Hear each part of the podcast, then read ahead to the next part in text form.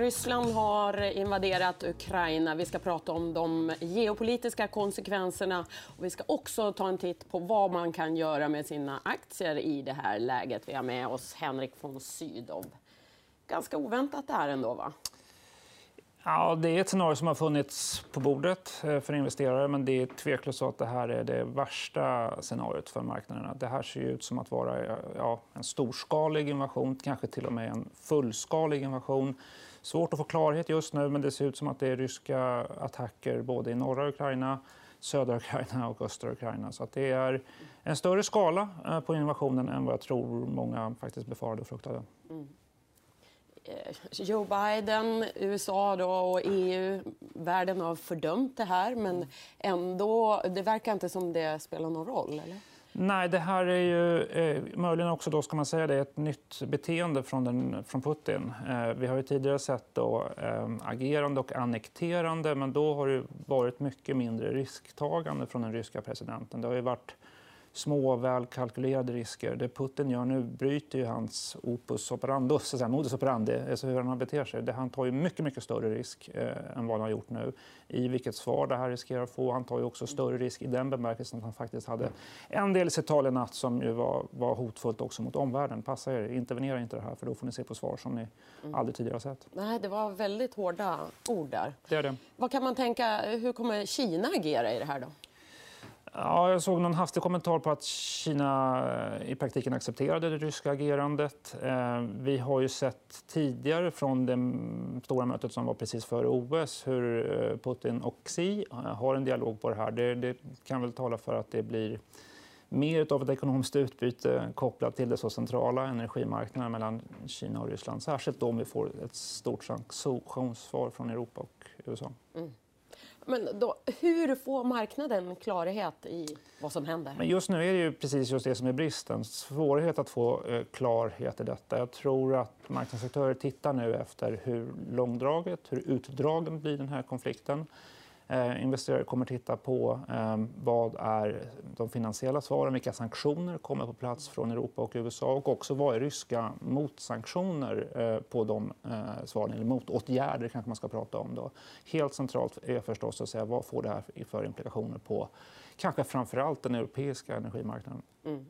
Och vi ser ju, om vi tittar på börserna, då, vi ser breda börsfall. Ja. Vad finns för buffertar egentligen i portföljerna? För det? det är svårt att hitta buffertar på börsen just nu. Eh, så är det. Utan det är, buffertarna mot den här sortens händelser finns ju ofta då utanför, utanför aktiemarknaden. Och då handlar det om att ha det som vi ofta pratar om, att ha en väl differentierad portfölj. Eh, råvaror, metaller eh, är viktiga. Det som kallas för Alltså tillgångar som inte är så utsatta för det här. Du kan titta på guldet, du kan titta på amerikanska dollar, du kan titta på japanska yen. Det där är ju inslag som faktiskt ska finnas i en portfölj som nu erbjuder eh, buffertar och skydd mot börsfallen. Mm.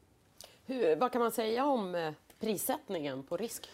Alltså, vi kan ju se det i de kursreaktioner vi har sett före dagens händelser att marknaden har haft lite svårt eh, att eh, prissätta geopolitiska risker i den här marknadsmiljön som i övrigt präglas så mycket av att vi är i en inflationsmiljö och en miljö med snabbt stigande räntor.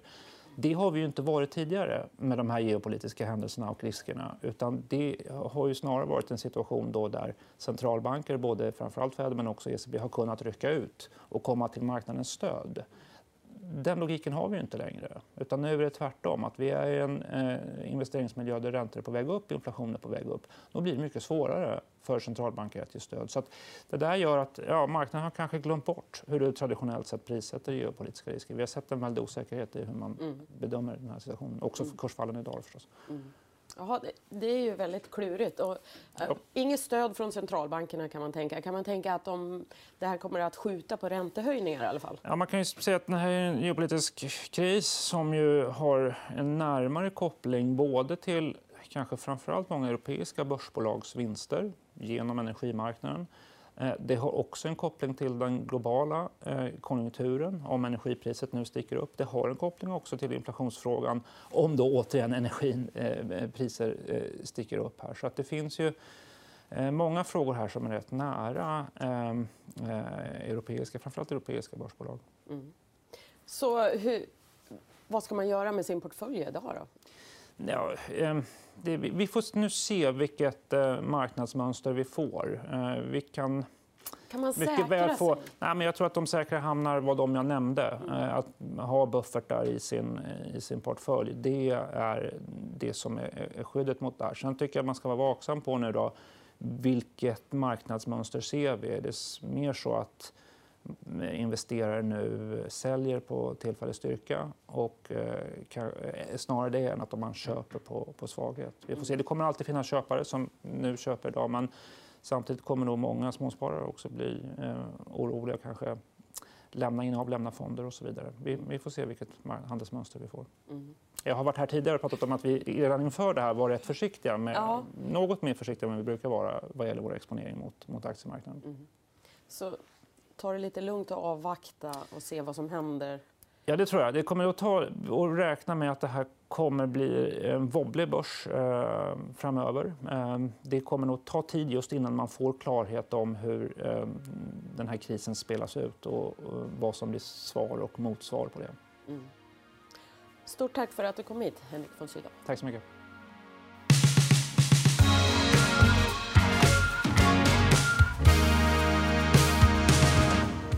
Har lyssnat på EFN Marknad, en podd av EFN Ekonomikanalen. Mer om ekonomi och aktier finns på efn.se.